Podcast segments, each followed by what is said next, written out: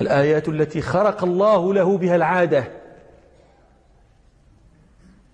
كثيرة جدا. منها هذا ومنها ما راه مسلم مما حدثناكم.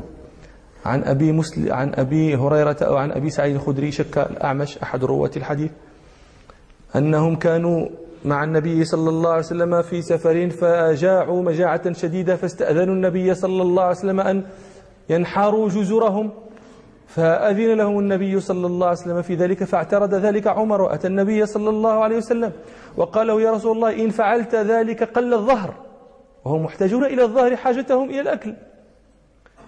ولكن أدعوهم بفضل أزوادهم ثم ادعوا الله عليها بالبركة لعل الله يجعل فيها وقد عود الله تعالى نبيه حسن العادة.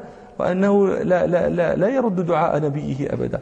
ففعل النبي صلى الله عليه وسلم ذلك ودعا الناس دعا الناس بفضل أزوادهم فجعل الرجل يأتي بحفنة تمر وجعل الآخر يأتي بحفنة أه؟ ذرة. حتى وبسط نطع فجعل ذلك ذلك المجموع فوق النطع حتى اجتمع من ذلك شيء يسير. فدعا رسول الله صلى الله عليه وسلم بالبركة ثم قال صلى الله عليه وسلم خذوا في أوعيتكم. قال فأخذوا في أوعيتهم فما تركوا وعاء في العسكر إلا ملأوه. فأكلوا جميعا حتى شبعوا وفضل فضله. فلما رأى رسول الله صلى الله عليه وسلم ذلك قال أشهد أن لا إله إلا الله وأني رسول الله. لا يلقى الله بهما عبد غير شاك فيحجب عن الجنة. ومن أعلام نبوته صلى الله عليه وسلم ما رواه مسلم عن جابر رضي الله عنه قال كنا سرنا مع رسول الله صلى الله عليه وسلم حتى نزلنا واديا أفيح. فذهب رسول الله صلى الله عليه وسلم يقضي حاجته فاتبعته بإداوة من ماء.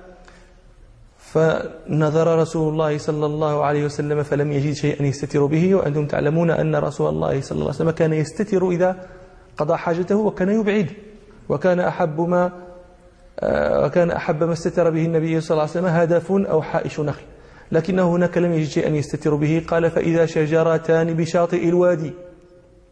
فانطلق رسول الله صلى الله عليه وسلم إلى إحداهما فأخذ بغصن من أغصانها فقال انقادي علي بإذن الله.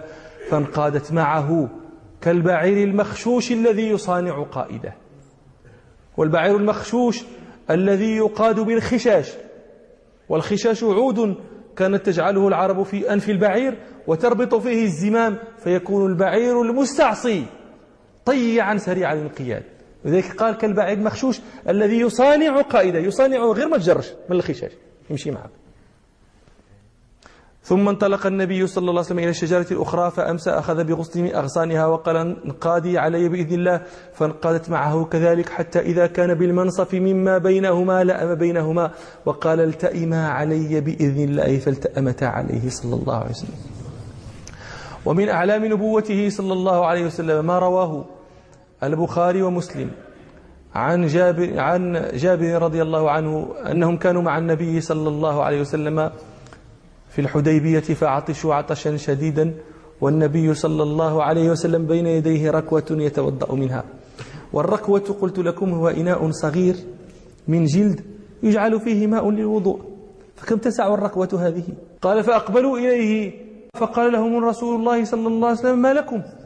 فقالوا يا رسول الله ليس عندنا ماء نتوضأ به ولا نشرب إلا ما في ركوتك. قال فوضع رسول الله صلى الله عليه وسلم يده في الركوة قال فرأيت الماء يفور من بين أصابع رسول الله صلى الله عليه وسلم كأمثال العيون. قال فشربنا وتوضأنا.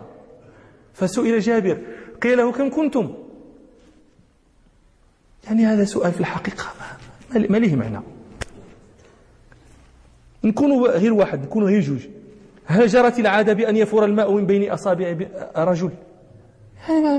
كم كنتم القضية في هذه. أولا قبل أن تسأل عن كثرة ذلك الماء اسأل عن فورانه من بين أصابع في ركوة. ولذلك قال هو لو كنا مئة ألف لكفانا. القضية في العدد. كنا خمسة عشرة مئة. ألف وخمسمائة واحد. ومن أعلام نبوته صلى الله عليه وسلم. ما روى الشيخان عن عمران بن حسين رضي الله عنه أنهم كانوا مع النبي صلى الله عليه وسلم في مسير فعطشوا عطشا شديدا. فبعث النبي صلى الله عليه وسلم رجلين يرتادان الماء. قال فبينما نحن نسير إذا بامرأة سادلة رجليها بين مزادتين. المزادة آه، إناء من جلد كبير يستقى فيه الماء. نحن في في المغرب نقول دلو تدريج دلو. وبعضهم يقول البوطة.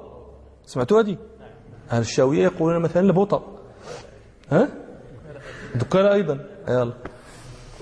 قال فإذا بامرأة سادلة رجليها بين مزادتين معها ماء. يعني استقت من موضع فيه ماء وهم يبحثون عنه. فقالوا لها أين الماء؟ فقالت إنه لا ماء. بعيد. فقالوا لها كم بين أهلك وبين الماء؟ قالت يوم وليلة. بزاف قالوا فانطلقي معنا إلى رسول الله صلى الله عليه وسلم. فقالت وما رسول الله؟ امرأة كافرة غير مسلمة لا تعرف رسول الله. فقالوا قالت وما رسول الله؟ قال فلم نجيبها بشيء حتى استقبلنا بها رسول الله صلى الله عليه وسلم. فحدثته بمثل الذي حدثتنا غير أنها حدثته أنها مؤتمة أي ذات أيتام. ولماذا تحدثه أنها مؤتمة؟ لأنها ترى رجلا معه رجال كثير وهي امرأة ولها ماء وهم يريدون الماء. فلعل لعلهم يرقون إذا ذكرت الأيتام. لكنها مع لا تعرف أنها مع النبي صلى الله عليه وسلم ما تحتاج معه شيئا. غير أنها حدثته أنها مؤتمة. فدعا أمر النبي صلى الله عليه وسلم بالمزادتين. فمزح في العزلاوين. العزلاء هو آه، مخرج القربة. هذا المزادة لها مخرجان مخرج أعلى ومخرج أسفل. أتصور أن هذا المخرج الأعلى هو الذي يصب فيه الماء عند الاستقاء والمخرج الأسفل هو الذي يصب منه الماء عند عند التناول والشرب. نحن في الدلو وفي البطة ليس لنا إلا مخرج واحد وهذا يتعب لأنه إذا كان الدلو مملوءا وأردت صب الماء تحتاج أن تميل الدلو وذلك يكون يتسبب في إهراق الماء خارج الإناء. هنا تيبان لك رقي العرب قال لك كانوا عربية أعراب ما كانوش متحضرين. آه اللي ما متحضرينش هما حنا خصنا نزيدو تقبل من التحت ومدابزين مع الدلو خصنا نكفيوه يكب ويمرج الدنيا فمسح النبي صلى الله عليه وسلم في العزلوين والعزلاء هو الفم الأسفل للمزادة. قال فشربنا وتوضأنا أربعين رجلا عطاشا. غير أن وملأنا كل إداوة معنا غير أن لم نسقي بعيرا. وهي تكاد تنض من الملء المزادة. مملوءة وتتسيل. أربعين واحد. أربعون رجلا شربوا وتوضأوا. وهي تكاد تسيل تفيض مما هي مملوءة. ثم أمر النبي صلى الله عليه وسلم أن يجمعوا لها شيئا فجمع جمعوا لها كسرا وتمرا. ثم قال لها رسول الله صلى الله عليه وسلم تعلمين أن ما رزئنا من مائك شيئا. ما زادتك هي هذه؟ أخذناها ملوءة رددناها ملوءة تعلمين ما رزئنا من مائك شيئا ولكن الله هو الذي أسقانا. فرجعت إلى أهلها وقد احتبست عنهم. فقالوا ما حبسك يا فلانة؟ فحدثتهم حديثها وقالت جئتكم من من عند أسحار من بين هذه وهذه. تقصد من الأرض والسماء؟ أو إنه لرسول الله حقا. فلم تلبث أن أسلمت وأهل حيها جميعا. ومن أعلام نبوته صلى الله عليه وسلم ما رواه البخاري عن جابر رضي الله عنه؟ قال بينما نحفر الخندق إذا عرضت كدية شديدة. فجاءوا النبي صلى الله يعني ما, ما قدروا على كسرها بمعاولهم قال فجاءوا النبي صلى الله عليه وسلم فقالوا هذه كدية شديدة عرضت. فقال صلى الله عليه وسلم أنا نازل. فنزل صلى الله عليه وسلم وهو وقد عصب حجرا على بطنه. لماذا؟ الجوع.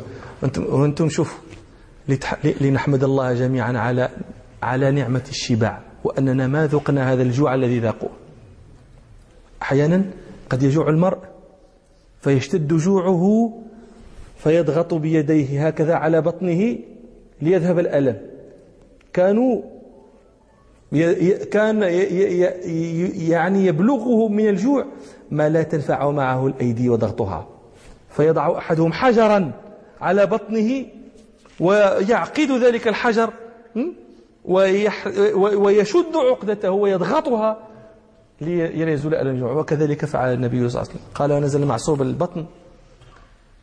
قال جابر وكنا لم نذق ذواقا ثلاثة أيام. لم نذق ذواقا. التمرة. ما كاينش ثلاثة أيام. قال فأخذ صلى الله عليه وسلم المعول فضرب به الكدية فصارت كثيبا أهيل كثيب الرمل. أهيل. يتفرتت ويتحات. قال جابر فقلت لرسول الله صلى الله عليه وسلم يا رسول الله اذني إلى البيت. فأذن له قال فذهب فقلت لامرأتي إني رأيت رسول الله صلى الله عليه وسلم على حالة ولا صبر على ذلك. هل عندك شيء؟ يعني شوف النبي صلى الله عليه وسلم قد ربط الحجر حجرا على بطنه من شدة الجوع وما استطاع أن يصبر هو على ذلك. فقال امرأته هل عندك شيء؟ فقالت شعير وعناق. شعير تعرفونه العناق؟ هو صغير المعز الأنثى من صغير المعز. قال جابر فذبحت العناق وطحنت العجين حتى جعلنا اللحم في البرمة. ثم أتيت النبي صلى الله عليه وسلم وقد انكسر العجين والبرمة فوق الأثافي الأثافي هي الأحجار التي تجعل وتجعل فوقها البرمة. هذه في الغالب كانت تسمى ثلاث هي تكون ثلاث أحجار وتكون هي الأثافي تسمعون تقول هذه ثالثة الأثافي من, الأمثال. قال والبرمة فوق الأثافي قد كادت أن تنضج. فقلت يا رسول الله طعيم. كنا نقول إحنا مكلة. مكلة؟ ماشي مكلة. مكلة؟ يا رسول الله طعيم لي فقم أنت ورجل أو رجلان. فقال رسول الله صلى الله عليه وسلم كم هو؟ فقلت شعير وعنق. فقال رسول الله صلى الله عليه وسلم كثير طيب. قل لها سأقول مرتك قل لها لا تنزع البرمة ولا لا تنزع اللحم ولا الخبز من التنور حتى آتي. خلي اللحم اترك تترك اللحم في البرمة والخبز في التنور حتى آتي. ثم قال النبي صلى الله عليه وسلم قوموا. فقام المهاجرون والأنصار. هو تيقول لي واحد ولا جوج؟ جاء كل من كان يحفر في الخندق. الناس كلهم. فجاء أسرع هذا جابر إلى أهله إلى زوجته وقال لها ويحك جاءك النبي صلى الله عليه وسلم بالمهاجرين والأنصار ومن معهم. فقالت هل سألك؟ قال قلت نعم. صافي. يعني إذا النبي صلى الله عليه وسلم عارف. صافي. فقال فدخل النبي صلى الله عليه وسلم البيت وقال لأصحابه ادخلوا ولا تضاغطوا. زحموش الأبواب. فجعل رسول الله صلى الله عليه وسلم يكسر الخبز ويجعل عليه اللحم ويخمر البرمة والتنور. ويقرب لأصحابه.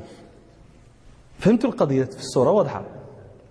يكسر الخبز ويجعل عليه اللحم ويغطي البرمة ويغطي التنور ويقرب لهذا. وعاد قال فما, فما زال يكسر ويجعل عليه اللحم ويقرب لأصحابه حتى شبعوا جميعا. وبقيت بقية. فقال لها رسول الله صلى الله عليه وسلم كلي هذا وأهدي فإن الناس أصابتهم مجاعة. هل سمعتم قط جدي؟ ياك تنقولوا جدي؟ صغير المعاز شحال يكون فيه من كيلو صغير المعاز عشرة كيلو. قول سيدي ما تحاسبوا كاع. عشرة كيلو. عشرة كيلو كم تطعم من الناس؟ أحدنا تكون له الوليمة يكون له مأدوبة يكون له العقيقة. في كل لكل عشرة. خص يكونوا 3 كيلو 4 كيلو ديال اللحم في التبصير وهذو كانوا الدجاج من قبل.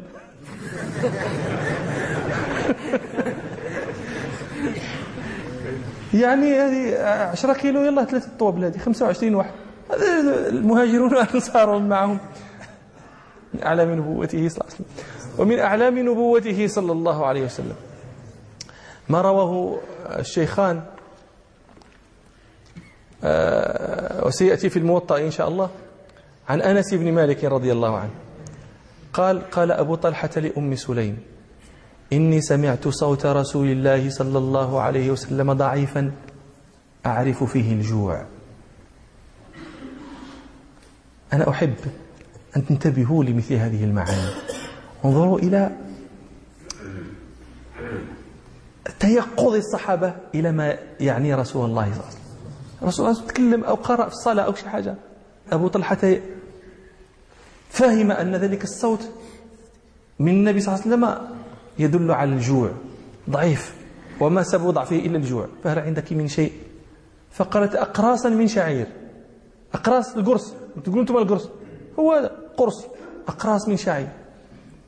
قالت فخلعت خمارا لها نزعت خمارا لها وجعلت فيه الخبز. هذا أنس يحكي. قال ولفت فيه الخبز ودسته تحت يدي وردتني بباقيه. فهمت القضية؟ وأرسلتني إلى رسول الله صلى الله عليه وسلم. قال فجئته فوجدت الرسول صلى الله عليه وسلم في المسجد ومعه الناس. قريصات ديال الشعير. الناس الآن دير مع جنجلان ودير شوية تكون زوين. غير واحد فيكم الضعيف فيكم ياكل خمسة ستة قريصات بوحده دائما اربطوا ما تسمعون في الحديث بواقعكم لتعلموا قدر الخارقة التي خلقت للنبي صلى الله عليه وسلم. قال فجئته فوجدت النبي صلى الله عليه وسلم في المسجد ومعه الناس فقمت عليهم. فقال رسول الله صلى الله عليه وسلم أرسلك أبو طلحة؟ قال قلت نعم. قال الطعام؟ قال قلت نعم. فقال لمن معه قوموا. قاع ما سول النبي صلى الله عليه وسلم هنا. فقال فقال لأصحابه قوموا. قال أنس فانطلقوا وانطلقت بين أيديهم. لماذا؟ ليخبر أبا طلحة وأم سليم بمن يأتي. أمر قريزات قال فانطلقت بين أيديهم حتى أتيت أبا طلحة فأخبرته الخبر. فقال أبو طلحة لأم سليم قد جاء رسول الله صلى الله عليه وسلم والناس وليس لنا طعام من الطعام ما نطعمهم. فقالت الله ورسوله أعلم. رسول الله ما يبغيش يفضحك. ما يبغيش لنا الله ورسوله أعلم. قال ف فذهب أبو طلحة حتى يلقى النبي صلى الله عليه وسلم من, من إكرام الضيف أن تلقاه في الطريق ثم تأتي معه. والآن من أبساط مراتب إكرام الضيف أن تخرج إليه وتلقاه بباب ذلك ولا تبقى بوسط الدار حتى يأتيك هو. قال فأتى حتى فانطلق مع رسول الله صلى الله عليه وسلم حتى دخل. فقال رسول الله صلى الله عليه وسلم لأم سليم يا أم سليم هاتي ما عندك من الطعام. فأعطته تلك الأقراص فأمر الرسول صلى الله عليه وسلم بها ففتت. ثم عسرت عليها أم سليم عكا لها العك. هذا إناء أيضا من جلد. ولكن كانوا يجعلون فيه إما يجعلون فيه السمن وإما يجعلون فيه العسل. يعني ما فيه؟ والو هي عصرته فوق ذلك الخبز المفتوت. فأدمته. درت لي اللي دم؟ فقال رسول الله صلى الله عليه وسلم لأبي طلحة إذا لعشرة. قال فدخلوا فأكلوا حتى شبعوا ثم خرجوا. ثم قال صلى الله عليه وسلم إذا لعشرة. فدخلوا فأكلوا فشبعوا ثم خرجوا. فما زال النبي صلى الله عليه وسلم يقول إذا لعشرة قال حتى أكل القوم جميعا وكانوا سبعين أو ثمانين رجلا. ومن أعلام نبوته صلى الله عليه وسلم. ما رواه الشيخان عن أبي هريرة رضي الله عنه أنه قال آه الله الذي لا إله إلا هو. آه الله هذا التعبير. يعني والله. آه الله الذي لا إله إلا هو.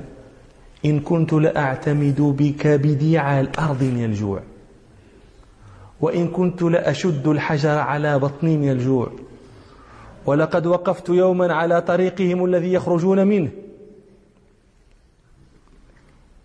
فمر بي أبو بكر فسألته عن آية من, من كتاب الله ما سألته إلا ليشبعني. وفي رواية عند البخاري ليستتبعني. يعني يقول له كأنه يقول لما لا نتكلم على ناصية الطريق اتبعني إلى البيت أحدثك عن الآية فإذا دخل البيت ما لا يمكن يعني لا يتصور أن يخرج من البيت ولم يأكل شيئا. قال ما سألت عنها إلا ليشبعني وفي رواية ليستتبعني قال فمر ولم يفعل. ثم مر بعمر. فسألته عن آية من كتاب الله. ما سألته إلا ليشبعني وفي رواية ليستتبعني. فمر ولم يفعل. فمر بي أبو القاسم صلى الله عليه وسلم. فتبسم لما رآني وعرف ما في نفسي وعرف ما في وجهي. غير الله عليه وسلم ويتبسم؟ فقال له صلى الله عليه وسلم أباهر؟ قلت لبيك يا رسول الله. قال الحق قال فمضى فاتبعته فدخل بيته فاستأذن فأذن لي فدخلت. ثم قال فوجد قدحا فيه لبن. تذكروا هذه؟ قدحا فيه لبن. فقال من أين هذا اللبن؟ فقالوا أهداه فلان أو فلانة. فقال صلى الله عليه وسلم أبا هر؟ قلت لبيك يا رسول الله. قال حق إلى أهل الصفة فادعوهم. لي فقال أبو, قال أبو هريرة وأهل الصفة أضياف الإسلام. لا يأوون على مال ولا ولا بيت ولا أحد. إذا أتته أي النبي صلى الله عليه وسلم إذا أتته صدقة بعث بها إليهم ولم يتناول منها شيئا. وإذا أتته هدية بعث إليهم وأصاب منها وأشركهم فيها. فقلت يعني في نفسي فقلت وما يبلغ هذا اللبن من أهل الصفة؟ يعني شوف التفكير الآن.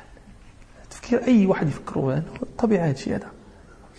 أول هو قدح لبن وهو يتلوى من الجوع. وقدح اللبن تتلوى من الجوع. يشبع. ثم تقسيم هذا القدح. أهل الصفة وتكونوا غير عشرة. مد قال وما يبلغ هذا اللبن في في أهل الصفة. ثم مسألة أخرى مازال. ثم إذا جاءوا أمرني فكنت أنا أعطيهم. وساقي قومي آخرهم شربا. فما عسى أن يبلغني. فكنت أنا أحق. كنت أحق. أنا أن أشرب من هذا اللبن شربة أتقوى بها. ولم يكن من طاعة الله وطاعة رسول الله صلى الله عليه وسلم بد.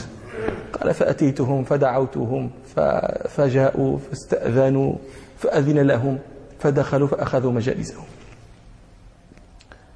فقال أباهر قلت لبيك يا رسول الله. قال خذ فأعطيهم. قال فجعلت أعطي القدح الرجل. فيشرب حتى يروى ثم يرد عليه القدح. ثم أعطيه الرجل فيشرب حتى يروى ثم يرد عليه القدح. حتى انتهيت إلى النبي صلى الله عليه وسلم. يعني هم, هم جالسون. يعطي هذا ويشرب ويرد عليه القدح. ثم يعطي الثاني الذي بجانبه ثم وهكذا إلى أن شربوا جميعا وشبعوا جميعا حتى انتهى إلى النبي صلى الله عليه وسلم. فأخذ النبي صلى الله عليه وسلم القدح وجعله في يده ونظر إلى أبي هريرة وتبسم. وقال أبا هر قلت لبيك يا رسول الله. قال بقيت أنا وأنت. قال صدقت يا رسول الله. فقال صلى الله عليه وسلم اقعد فاشرب. قال فقعدت فشربت. فقال صلى الله عليه وسلم اشرب. فشربت. قال فما زال يقول صلى الله عليه وسلم اشرب. حتى قلت والذي بعثك بالحق ما أجد له مسلكا. يعني وصل هنا قال صلى الله عليه وسلم فأرني. فأخذ صلى الله عليه وسلم فحمد الله وسمى وشرب الفضل. ومن مناقبه صلى الله عليه وسلم. ما رواه الشيخان عن أبي موسى الأشعري رضي الله عنه قال قلت لألزمن رسول الله صلى الله عليه وسلم ولأكونن معه اليوم. قال فتوضأت ثم ذهبت إلى المسجد فسألت عن رسول الله صلى الله عليه وسلم فلم أجده وقالوا خرج ووجه منها هنا. قال فذهبت على إثره حتى دخل بئر أريس يقضي حاجته صلى الله عليه وسلم. قال فوقفت عند الباب وكان بابه من جريد. فلما توضأ صلى الله عليه وسلم جئت جئته فسلمت عليه فوجدته جالسا على بئر أريس توسط وتوسط قفها وعرى ساقيه صلى الله عليه وسلم ودلهما في البئر. قال فجلست عند الباب وقلت لأكونن بواب رسول الله صلى الله عليه وسلم اليوم. قال فجاء أبو بكر. فجاء يعني فقلت من هذا؟ يعني فإذا بالباب يتحرك. فقلت من هذا؟ فقال أبو بكر. فقلت على رسلك. فذهبت فقلت يا رسول الله هذا أبو بكر يستأذن. فقال صلى الله عليه وسلم إذن له وبشره بالجنة. قال فأتيت أبا بكر فقلت له أدخل ورسول الله صلى الله عليه وسلم يبشرك بالجنة. قال فدخل فجلس على يمين رسول الله صلى الله عليه وسلم على قف البئر وعرى ساقيه ودلهما في البئر كما فعل النبي صلى الله عليه وسلم. فرجع أبو هذا أبو موسى الأشعري إلى الباب. قال فإذا أحد يحرك الباب؟ فقلت من هذا؟ قال عمر بن الخطاب. قلت على رسلك. فذهب قال فذهبت فأتيت رسول الله صلى الله عليه وسلم فقلت يا رسول الله هذا عمر بن الخطاب يستأذن. فقال صلى الله عليه وسلم إذن له وبشره بالجنة. قال فجئته؟ فقلت له ادخل. وبشرك رسول الله صلى الله عليه وسلم بالجنة. فدخل عمر فجلس على يسار رسول الله صلى الله عليه وسلم وفعل كما فعل صاحبه. ثم جلس أبو موسى الأشعري عند الباب. فإذا بالباب يحرك يحركه شخص ما. فقال أبو موسى من هذا؟ فقال عثمان بن عفان فقال على رسلك. فأتى النبي صلى الله عليه وسلم. فقال يا رسول الله هذا عثمان بن عفان يستأذن. فقال له صلى الله عليه وسلم أذن له وبشره بالجنة على بلوى تصيبه فقال فأتيت فقلت له ادخل. وبشرك رسول الله صلى الله عليه وسلم بالجنة على بلوى تصيبك وكذلك كان. والبلوى هي تلك الفتن التي وقعت وحوصر رضي الله عنه في الدار ومنع من الماء وقتل شهيدا أمام أهل بيته. رضي الله عنه. والحاصل أن أعلام نبوة النبي صلى الله عليه وسلم كثيرة جدا. أنتم تلاحظون أنني اقتصرت على بعض ما في الصحيحين أو في أحدهما منها. فإذا جوزنا إلى ما في إلى خارج ما في الصحيحين كان ذلك شيئا كثيرا. ولذلك قد ألفت في دلائل النبوة الكتب الطوال ذوات المجلدات. فآمنا رضينا بالله ربا وبمحمد صلى الله عليه وسلم رسولا وبالإسلام دينا. أسأل الله تعالى أن آه، يحشرنا معه صلى الله عليه وسلم.